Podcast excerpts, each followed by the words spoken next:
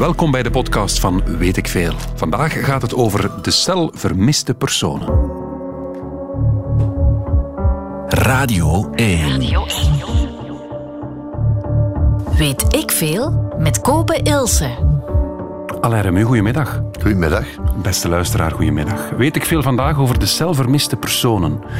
Normaal gezien doen we een leuke komische intro, maar dat, vandaag voelt dat gewoon een beetje anders aan. Begrijp je dat, beste Alain? Ik kan het mij voorstellen. Het gegeven is natuurlijk niet van die aard dat je direct aan plezier denkt. Nee. Maar het is niet altijd kommer en kwel hoor. Hoezo?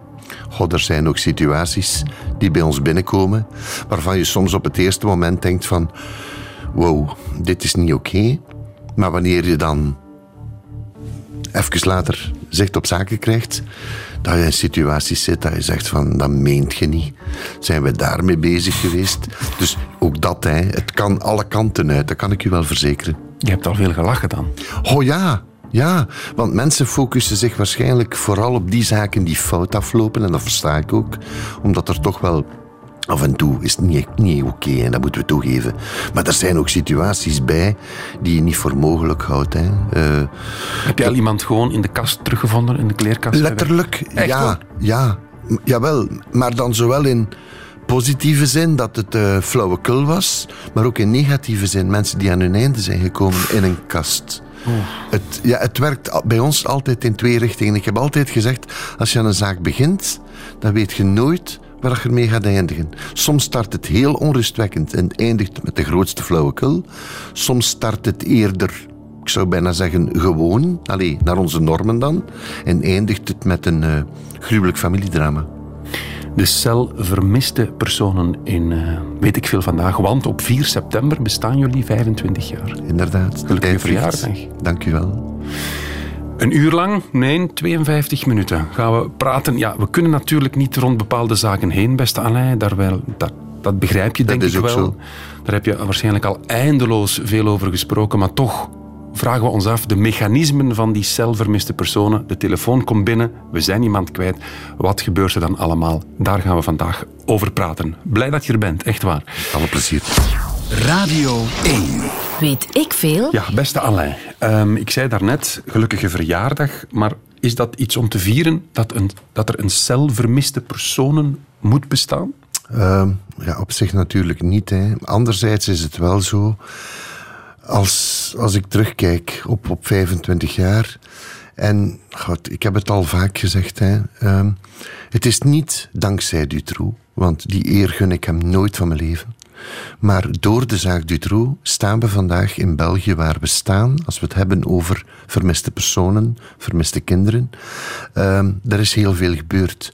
Uh, we hebben gelukkig lessen getrokken uit wat er vroeger is gebeurd. Misgelopen is? Uh, misgelopen, dat ga ik niet zeggen. Laat mij zeggen wat er is gebeurd, want de perceptie van wat loopt mis en wat loopt goed, dat is zo persoonlijk. Mhm. Uh, maar uh, vandaag hebben we een cel vermiste personen in België. We hebben een organisatie zoals Child Focus. We hebben gespecialiseerde magistraten. We hebben een, een goede handleiding rond vermiste personen. Vermiste personen is, staat op de kaart vandaag in België. 25 jaar geleden was dat anders. Uh, er is heel veel geleerd, er zijn heel veel lessen getrokken. En daar mogen we dan een stukje, om het zo te zeggen, toch wel een beetje fier op zijn. Uh, binnen Interpol, een internationale politieorganisatie, wanneer we het hebben over uh, vermissingen, uh, verdwijningen, spreekt men van le modèle Belge. Is het? Belgisch model. En dat is dan toch wel iets. Kijk, ik ga het anders zeggen. Um, in 2006, na de verdwijning van Stacy en Nathalie in Luik, kregen wij een prachtig compliment van Jean-Denis Lejeune, de papa van Julie. Weet je wel, van Julie en Melissa, Mhm. de zaak Dutroux. Toen die zaak opgelost was in 2006, was er een platform bij RTL waar ik ook aanwezig was.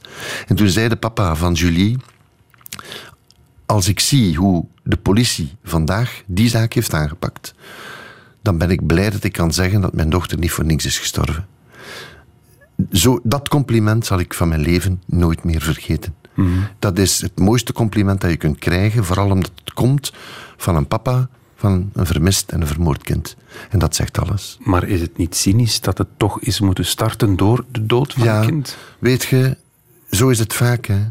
Ehm, als mensen, ik, ik denk dat het een beetje typisch is. Hè. Dat is zo gelijk een brandweer. Goh, dat hebben wij niet nodig, want dat brandt hier nooit. Tot wanneer het brandt. En dan, shit, we hebben geen brandweer.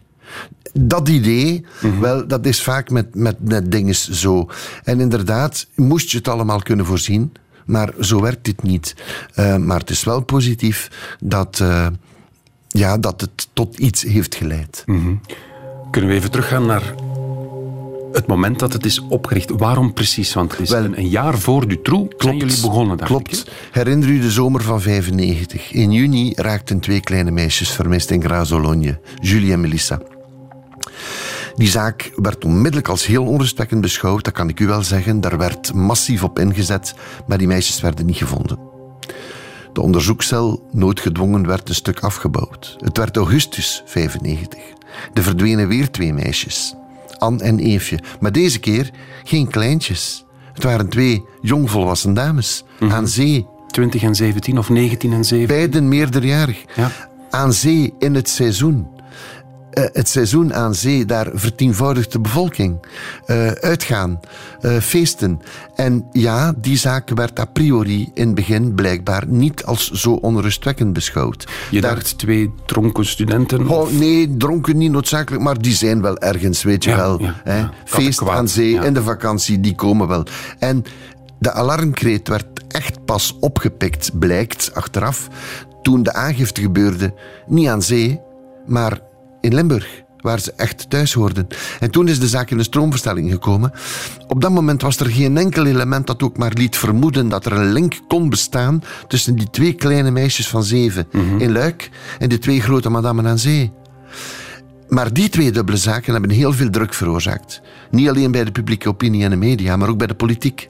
En de toenmalige minister van Justitie, dat was Stefan de Klerk, heeft toen want we zaten nog in een andere organisatie, heeft toen een brief geschreven, een opdracht geschreven aan de commandant van de Rijkswacht. En ik behoorde tot de Rijkswacht. En die brief kwam op het allerhoogste niveau in de Rijkswacht. En die kwam van de minister bij de generaal. En de generaal stuurde die onmiddellijk door naar de kolonel van de afdeling opsporingen, het Centraal Bureau Opsporingen. En die gaf die onmiddellijk door aan mijn baas, de majoor de Kranen. En majoor de Kranen, Danny, die kwam bij mij op het bureau en die zei: Alain, zou dit niks voor jou zijn? Uh, het, het, plan was al concreet van we willen een, een, een soort... Nee, nee. nee. Okay. het idee was van we moeten iets doen. En ah, er zat druk op de ketel. En dat voelden wij allemaal. En ik herinner mij dat wij toen samen zaten. En toen werd er gezegd van kijk, we moeten dringend een actieplan maken. Wat kunnen we doen? Want het, zo kan het niet meer. En toen zijn we gaan brainstormen, hebben samengezeten. Ik kreeg vier collega's, medewerkers.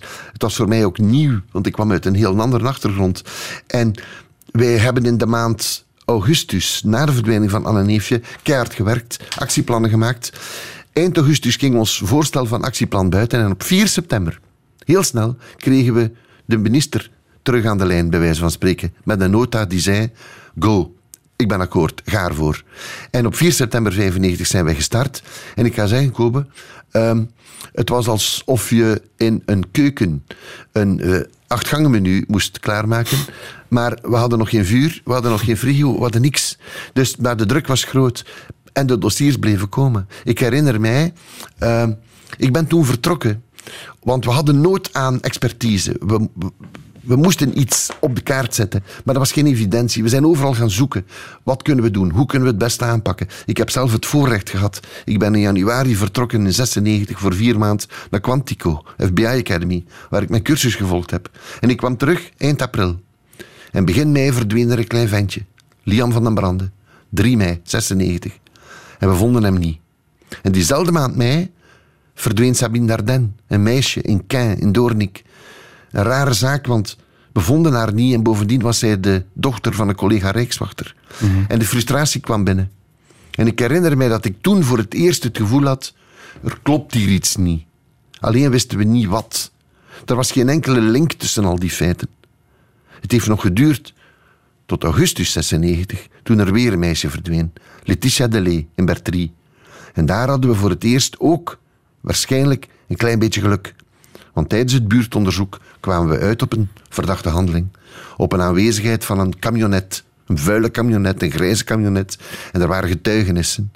En om een lang verhaal kort te maken, we slaagden erin van door ja, resten van nummerplaten, stukken, karakters van een nummerplaat, een link te leggen met een op dat moment ja, onbekende naam, zal ik maar zeggen. eh, althans voor de grote buitenwereld, Marc Dutroux. En de zaak Dutroux ontplofte. En zo is het gegaan. Heb jij op zijn deur geklopt? Eh, nee, het is te zeggen, eh, het waren mensen van mij die de link hebben gelegd met Dutroux. Een van mijn mensen was in Bertrie op het moment van de verdwijning van Letitia.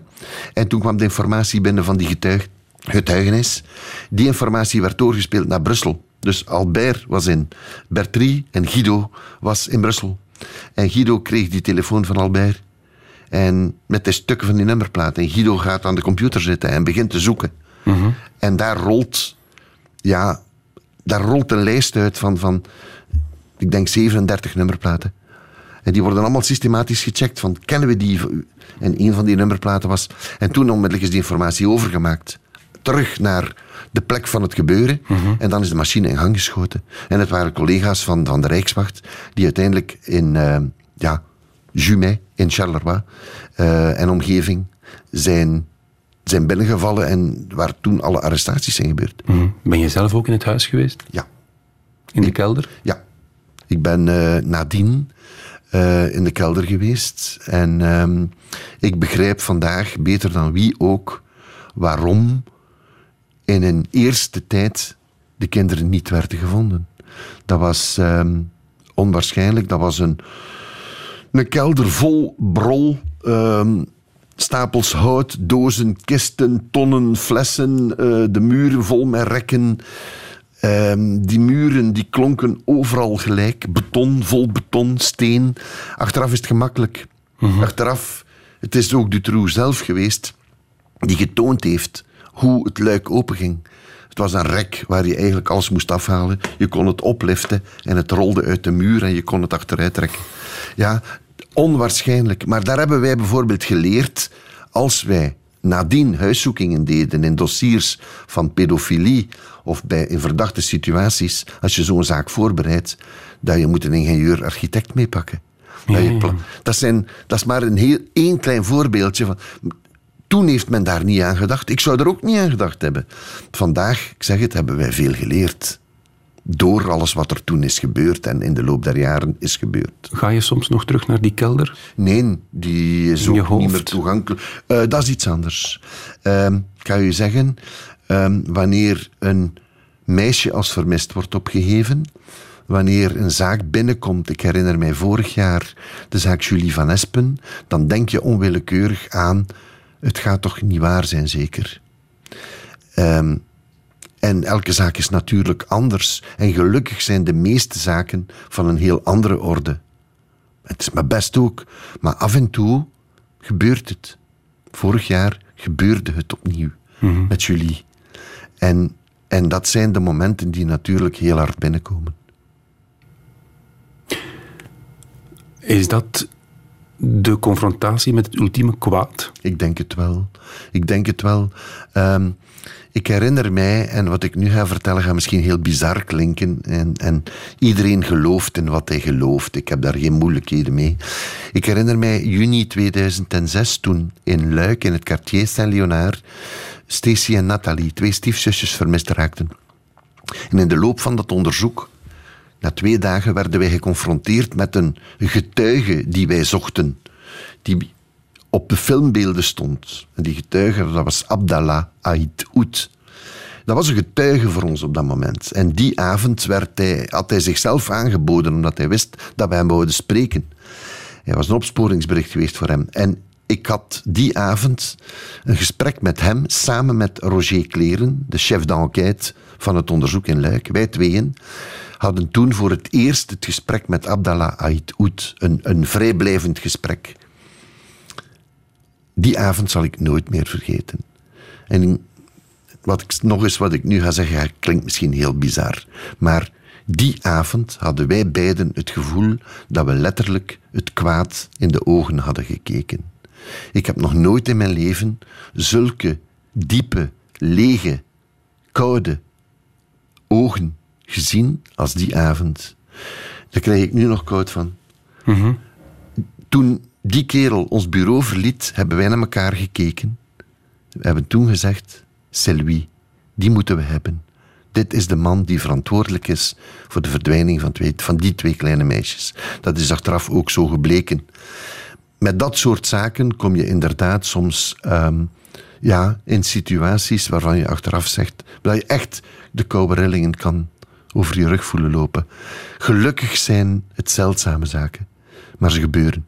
Ooit gedacht, dit hoeft niet meer? Ehm, niet door dat soort zaken. Niet door dat soort zaken. Omdat we daar, ik weet niet hoe belangrijk zijn, om te proberen die zaak op te lossen. Eh, daar wil ik niet uitstappen. Uh, ik heb wel ene keer het gevoel gehad van het hoeft even niet meer of het hoeft allemaal niet meer. En dat was in uh, 2011, toen ik een van mijn eigen mensen ben verloren. Een duiker van de civiele bescherming, een goede vriend, een maat, met wie dat we samen gelachen hebben, gegeten hebben, gedronken hebben.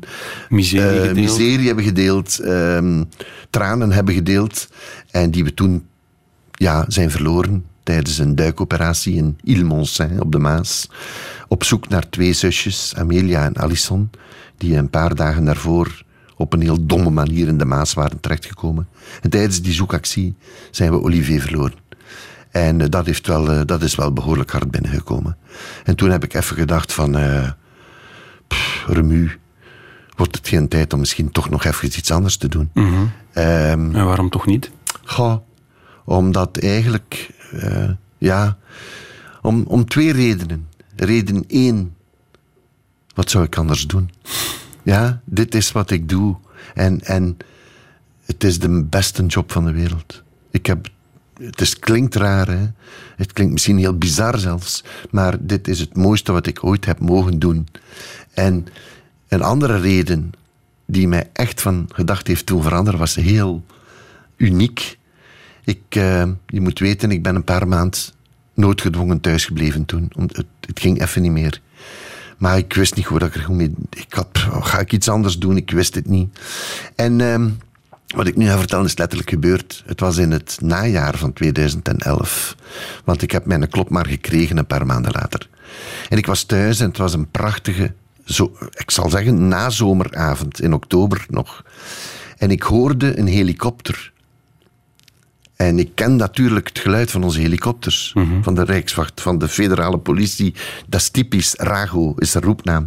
En ik hoor die helikopter. En die helikopter die komt boven ons thuis vliegen. Echt. En ik kijk naar boven en ik, ik zwaai eens. Mm -hmm. En ik krijg een sms'je van een van mijn mannen, Laurent. Die zat in die heli, die waren terug van een opdracht gekomen. En die stuurt een berichtje. Een sms'je. En waarop staat, patroon, kom maar op weer. Hè. En toen, ja, dacht ik van, uh, ja, dat, dat, was wel, dat was een fantastisch moment. En toen dacht ik, zondags heb ik gebeld, mannen, maandag ben ik daar. We hebben gevraagd welke muziek jij wou horen. Mm -hmm. Jij linkt niet echt een nummer aan een bepaalde case, heb je gezegd, omdat die niet echt muzikaal, of dat muziek jou niet heel veel dat doet. Dat klopt, dat klopt. Maar je zei toch High van de Lighthouse Family. Wel, ja. En uh, goh, kijk, het is toevallig, het sluit aan bij wat ik daarnet vertelde. Um, dat nummer werd gespeeld, onder andere gespeeld, op het afscheid van twee goede vrienden van mij.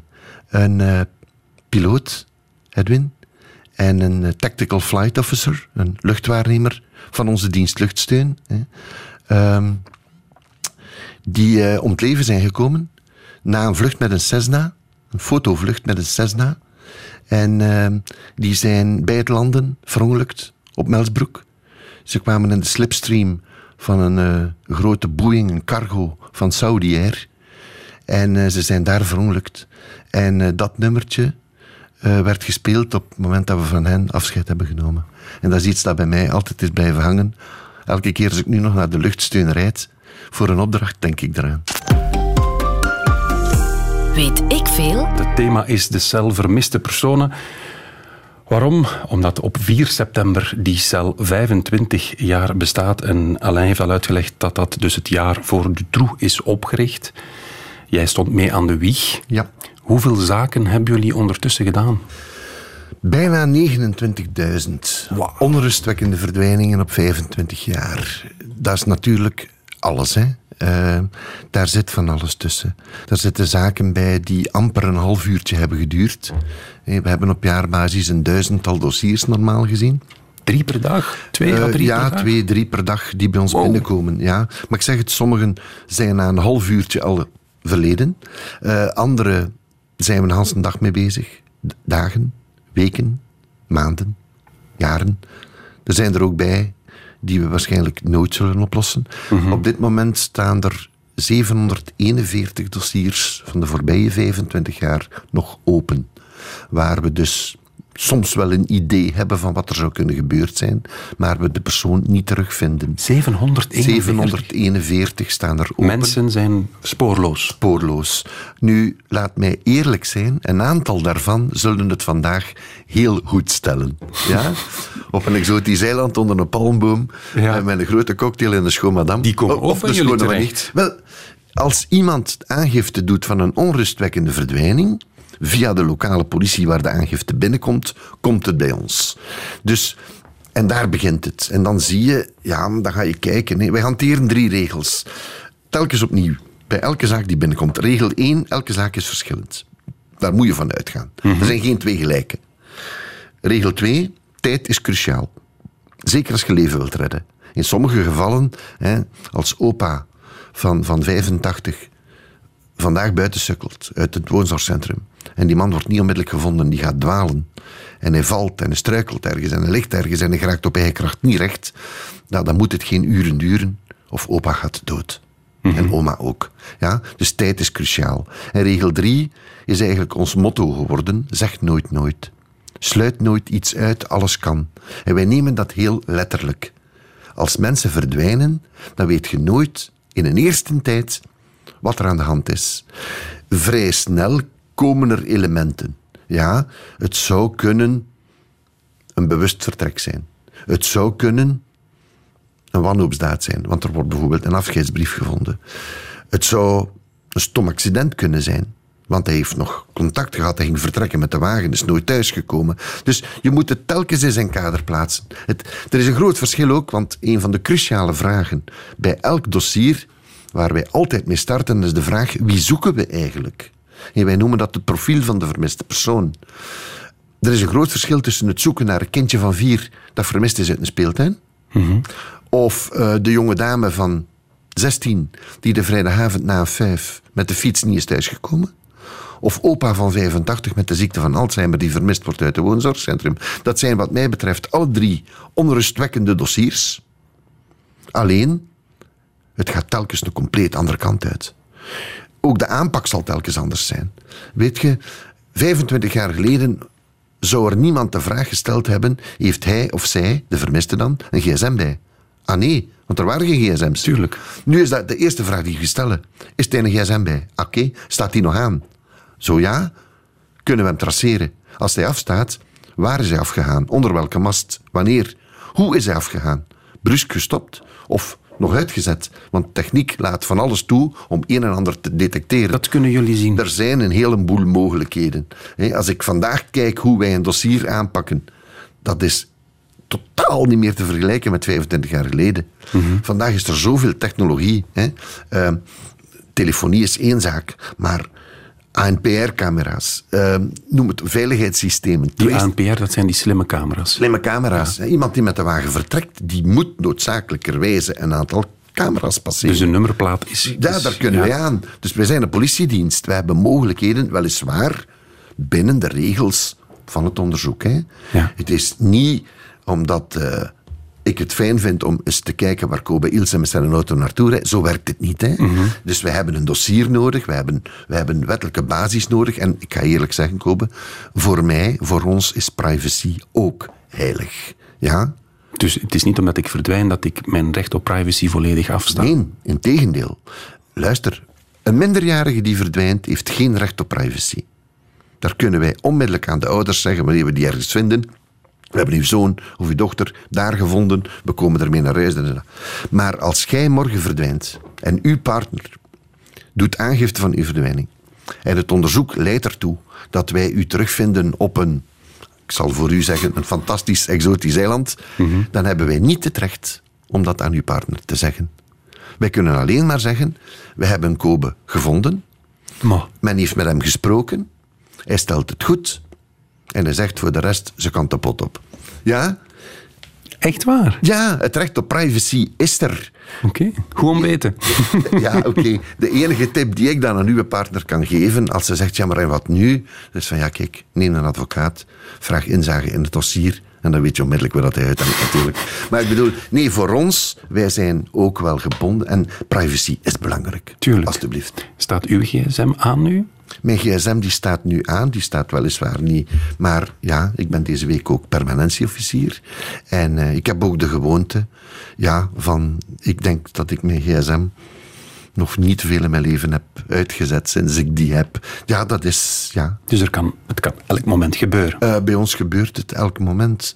Ehm, er zijn van die dagen dat het eventjes wat rustiger is, maar helaas, die dossiers die komen. Eh, het gebeurt ook wel dat het luidop gezegd wordt bij ons op bureau van het is kalm, hè. Dan denk ik altijd, mannen, het noodlot niet uitdagen. Want je gaat zien, en dat is ook vaak zo. Het gebeurt, het kondigt zich niet aan. Ehm, als je bij ons permanentie bent, dan... ehm, als je een weekend permanentie opgaat, dan mag je ervan uitgaan dat je dat weekend niet veel thuis zult zijn. Je zei daarnet, tijd is cruciaal. Ja. Hoeveel uren kleef je op de kans om iemand levend terug te vinden? Ik ga u... Jij spreekt over uren. Ik spreek eerder over minuten in bepaalde zaken. Alles hangt af van wie verdwijnt. Er zijn mensen die verdwijnen waarvan je zegt van oké, hier kunnen we gerust twee dagen wachten, want het is de tiende keer dat hij allemaal weg is en meestal na twee dagen komt hem terug. Maar dat weet je dan. Dat neem je mee. Maar er zijn situaties... Kijk, wij geven vormingen aan mensen in woonzorgcentra. Personeel, verzorgend personeel. Daar zeggen wij, als je oma of opa kwijt bent en je vindt die niet terug, na 15 minuten, na 20 minuten, bel dan de politie. Ja? Omdat we weten, meestal vind je ze binnen de 20 minuten. Als je ze niet vindt binnen de 20 minuten, is er wellicht iets aan de hand. Dus het gaat niet zozeer over uren. Men spreekt bijvoorbeeld in moordonderzoek spreekt men van de first 48 hours. They are crucial. Dat klopt. Bij vermiste personen zeggen wij de eerste 24 uur zijn cruciaal. En in bepaalde gevallen is het eerste uur cruciaal. Ja? Ehm, want, dat wil ik toch ook wel eens zeggen, mensen associëren ons heel vaak met criminele verdwijningen. Wij zijn opgericht omwille van een zaak Dutroux, dat klopt. En af en toe, ik heb al allusie op gemaakt, een zaak zoals Julie van Espen. Af en toe, jammer genoeg, gebeuren die ellendige zaken. Maar, en gelukkig maar, het zijn uitzonderingen. Amper 1% van de dossiers waar wij mee bezig zijn, hebben een crimineel karakter. 1%. Oh. Ja, dat is voor veel mensen zeggen van, oh, eh 99% is dus niet crimineel. Dat klopt. Het gaat over onrustwekkende weglopers. Het gaat over misverstanden. Het gaat over Alzheimer en dementie. Het gaat over, helaas, heel veel wanhoopsdaden, suïcide. Het gaat over stomme accidenten. Noem het op, het gebeurt. Maar meestal heeft dat niks van crimineel karakter. Maar natuurlijk, als er zo één gebeurt, ja, dan komt dat heel hard binnen in onze maatschappij. Een meisje dat vermist is, een kindje dat dood teruggevonden wordt, dat zijn zaken die je niet wilt meemaken. Heb je ondertussen een soort instinct of een zoveelste zintuig gekweekt als, een, als er iets binnenkomt dat je voelt, oeh, dit, dit, is, dit Ja. is iets. Toch wel, toch wel. Ehm, ik ben iemand die het heeft voor feiten. Ja, dat is belangrijk in mijn job. Maar ontegensprekelijk, ja. Er zijn situaties die binnenkomen waar je onmiddellijk je oor gaat spitsen en zeggen van... Je moet weten, wij zitten bijvoorbeeld alle, wij zitten allemaal samen in. Wij zijn met 17, we zitten allemaal samen in één groot landschapsbureau. Het gebeurt dat zaken binnenkomen, dat iemand zegt, een hand omhoog steekt van... Mannen, wacht keer even. Ja. En iedereen... de speaker gaat op en je hoort iets binnenkomen. Een zaak... ehm, bijvoorbeeld deze week hadden we een zaak van eh, een man van 29, maar die had de verstandelijke leeftijd van een kindje van 6. Als zoiets binnenkomt, dan gaat iedereen de oren spitsen, want eigenlijk spreken we over een kindje van 6. Die mens kan er niet aan doen. En dat zijn dan zaken waarvan je denkt van hier moeten we echt wel alle hens aan dek. Ja, Ehm, ja je leert wel. Soms zitten we er ook nog naast, hè. Moet dat heel eerlijk toegeven, hè. Maar die zaken waarvan je zo het gevoel krijgt van, wow, dit is niet oké. Ehm, meestal is het dan ook wel niet oké. Ja, ja, ja, we hebben wel een en ander zien passeren natuurlijk. Hè. Ehm, en dat is ook het grote voordeel dat wij dan hebben naar beoordeling van een situatie. Je moet weten, de lokale politieman of vrouw die interventie rijden, die mensen moeten alles aankunnen. Een, een, een klacht wegens miserie in een gezin, een inbraak, een brand, een verkeersongeval. En die gaan van, dat, die gaan van een naar ander. Wij doen niks anders dan onrustwekkende verdwijningen en identificatie van lichamen en lichaamsdelen. Dat is wat wij doen. Hanse dagen, niks anders. En dan leer je heel veel. En dan kan je inderdaad in bepaalde situaties toch wel uh, een en ander eruit filteren. Dat klopt zeker. Je zegt het net zelf, wij doen ook identificatie van, van lichaamsdelen soms. Ja. Is dat het, uh, het, het ergste aan de job, die confrontatie met de dood? Uh, het is toch wel een van de aspecten waar we heel veel aandacht aan besteden, ook bij het selecteren van onze mensen. Uh, emotioneel stabiel zijn. Um, ja, als je bij mij werkt, dan word je inderdaad op regelmatige basis geconfronteerd met de dood. 12% van de dossiers die bij ons behandeld worden, eindigen helaas met een overlijden. 12%. Dat zijn er op 25 jaar 3390. Mensen die wij dood hebben teruggevonden. De meeste van die mensen hebben er zelf voor gekozen, dat is opvallend. Heel veel zelfdodingen in ons land, uh, maar ook stomme accidenten, criminele feiten, natuurlijk overlijdens, noem maar op. Uh, kijk, ik ga het zo zeggen. Je kan, en we doen dat ook, je kan mensen opleiden om met de dood om te gaan. Dat hoort zo. Je kan geen mensen opleiden om een dood kindje uit de gracht te halen. Uh, iedereen zal daar op zijn manier mee omgaan. Iedereen die bij ons werkt zal ook op een bepaald moment, daar ben ik van overtuigd, zichzelf wel eens tegenkomen. Uh, in situaties die bijvoorbeeld herkenbaar zijn met je eigen situatie. Uh, maar het is iets waar wij mee leven. Ja? Uh, we hebben één groot voordeel, als je het zo zou kunnen noemen.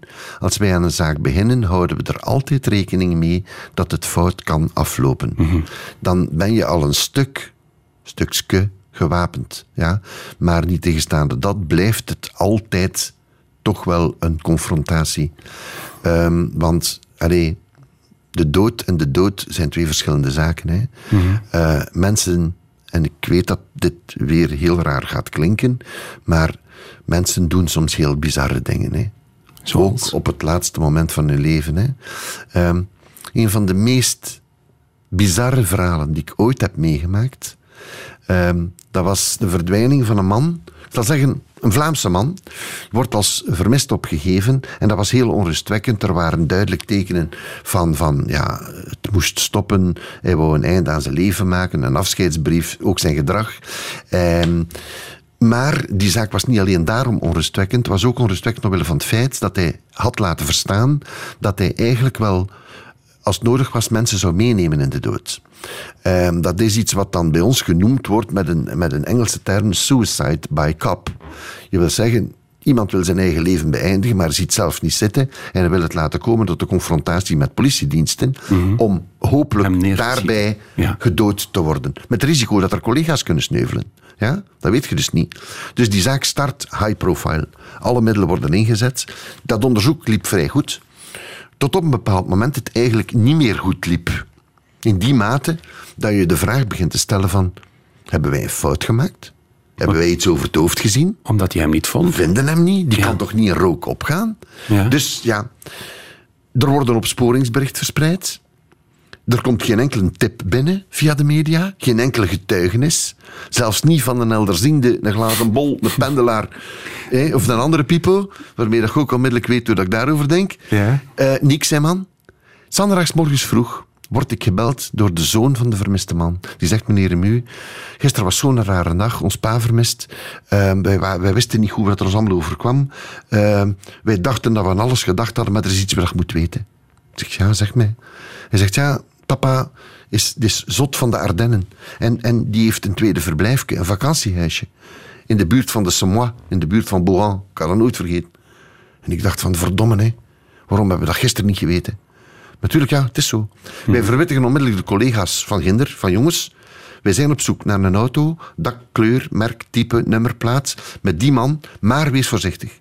Een mogelijk geval van suicide by cop. Dus stel dat je dat voertuig daar ergens aantreft, take care, want het zou kunnen... Want we wisten, die man had ook een vuurwapen. Dus dat was wel toch wel. Dus uh, wij vertrokken onmiddellijk met uh, versterkingen richting uh, van de Semois. En we, we, kwamen bijna ter plaatse toen we het bericht kregen: uh, on a. Ze hebben de auto. Nu, de auto was leeg. Ze hadden die kunnen controleren, benaderen. De koffer ook. Het voertuig was los. De man was er niet. Dus wij focussen op de woning. Allee, vakantiehuisje. Vlak bij het water, twee, ver, twee verdiepjes, klein huisje. En uh, met de speciale eenheden wordt er een perimeter ingezet. Uh, die woning wordt benaderd, we vallen daar binnen. En uh, ik herinner mij in de gang, links van mij, boven een verwarmingsradiator, was er een marmeren tablet in de muur. Daar stond een vaasje op. tegen dat vaasje stond een wit kaartje. En op dat kaartje stond geschreven, letterlijk, ik hang aan de telefoon. En wij dachten van shit, waar is die een telefoon? Die hangt daaraan.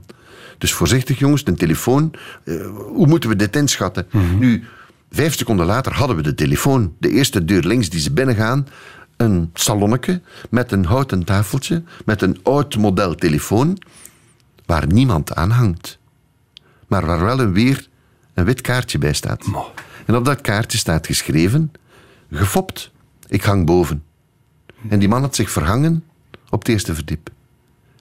Als je dat beeld ziet, dan vraagt je u af, wat bezielt er iemand om zoiets te doen, vlak voordat hij toch wel een heel belangrijke beslissing in zijn leven gaat nemen, want hij gaat, hij gaat letterlijk zijn leven nemen.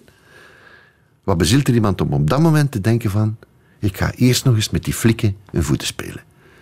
Als je dat nu ziet in een serie of in een film, Kobe, dan geloof je niet. Dan zeg je, welke scenarist heeft er zoiets uitgevonden? Alsjeblieft, hè, zeg. Wat dan nu voor flauwekul? Nee, dat is wat mensen doen. Mhm. Mensen doen bizarre dingen. Dat is een zaak die je nog herinnert. Ja. Is er een moment geweest in je carrière van ja, 25 jaar ondertussen, dat je echt zegt van ja, dit, dit heeft misschien mij zelfs een beetje veranderd als mens? Of dit heeft, dit heeft zo'n diepe impact gehad. Het kan een goed verhaal zijn of een, Ja. of een minder goed verhaal. Je zegt van ja, dit heeft mij als mens wel bepaald. Ik denk, goh, er zijn zo'n heleboel zaken geweest. Weet je, ehm, je neemt uit elke zaak wel iets mee. Misschien niet altijd, maar heel vaak toch. Ehm, vaststellingen, ideeën van... eh, bijvoorbeeld, hoe diep kan je wegzakken in ellende om jezelf bepaalde dingen aan te doen? Ehm, sommige mensen hebben echt wel heel veel miserie in hun leven, heb ik al gedacht. Ehm, en vooral ook daartegenover dan, mensen zijn verdomme zo sterk. Mensen kunnen zoveel aan. En dat laatste heb ik vooral geleerd van ouders van vermiste kinderen. Ehm, waar ik mateloos respect voor heb. Weet je, ik heb al zo vaak gezegd, hè, als er één ding is waar je in je leven niet wilt zijn, dan is het wel ouder van een vermist kind dat nooit gevonden wordt. Hoe die mensen verder moeten, dat is soms onwaarschijnlijk. En dat is iets wat mij enorm doet relativeren en mij enorm laat genieten van kleine dingen. En ik kan mij ook mateloos opjagen wanneer mensen zich opjagen in het feit dat ze een platte band hebben.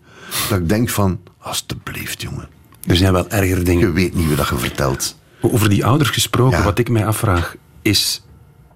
Een, een vermist kind is sowieso verschrikkelijk. Mhm.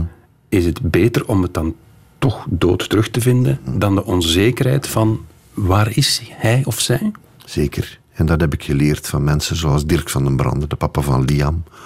Of Erik Gijsbrechts of Anita Pintjes, de ouders van Nathalie Gijsbrechts. Die mensen, het is raar om te zeggen, hè, maar zij hebben mij zo vaak gezegd van... Ja, kon je maar met slecht nieuws komen. Want dan is er minstens nieuws.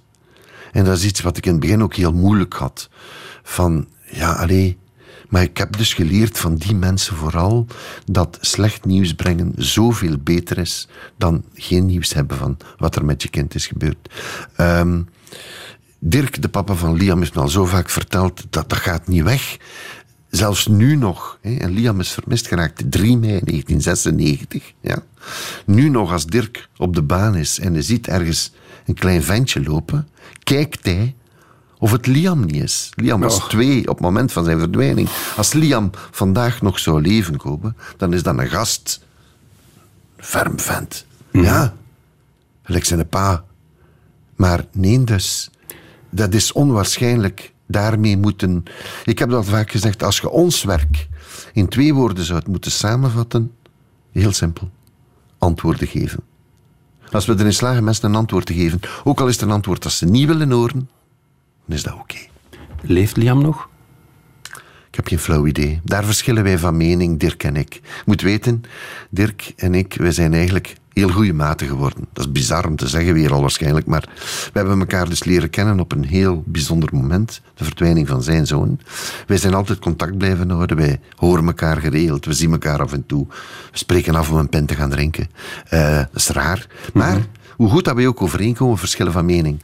Ik denk, op basis van de elementen die ik heb in het onderzoek, dat de kans heel groot is dat Liam in de sluis van het Sennegat in Mechelen is terechtgekomen. En dat hij in het water is terechtgekomen. Dat hij dat nooit heeft overleefd. Alleen, we hebben hem nooit gevonden. En dat opent natuurlijk de deur naar een andere denkpiste. Is gaan lopen. Misschien na gaan lopen niet. Dirk zegt al, hè. Hij is er heel rechtuit. Hij zegt, kijk, het kan. Ik kan niet zeggen dat het niet kan wat jij zegt, maar hij zegt, ik denk dat onze Liam ontvoerd is. Niet door iemand zoals een Dutroux, een pervert, maar iemand die bijvoorbeeld een kind heeft verloren of iemand die geen kinderen kan krijgen. En heeft me al heel vaak gezegd, hij zegt, je gaat dat zien, vroeg of laat staat onze Liam aan mijn deur, op zoek naar zijn roots. Ik hoop het met Dirk.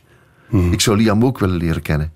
Alleen vrees ik, naarmate de tijd is voorbij gegaan, dat mijn hypothese wel eens de juiste zou kunnen zijn.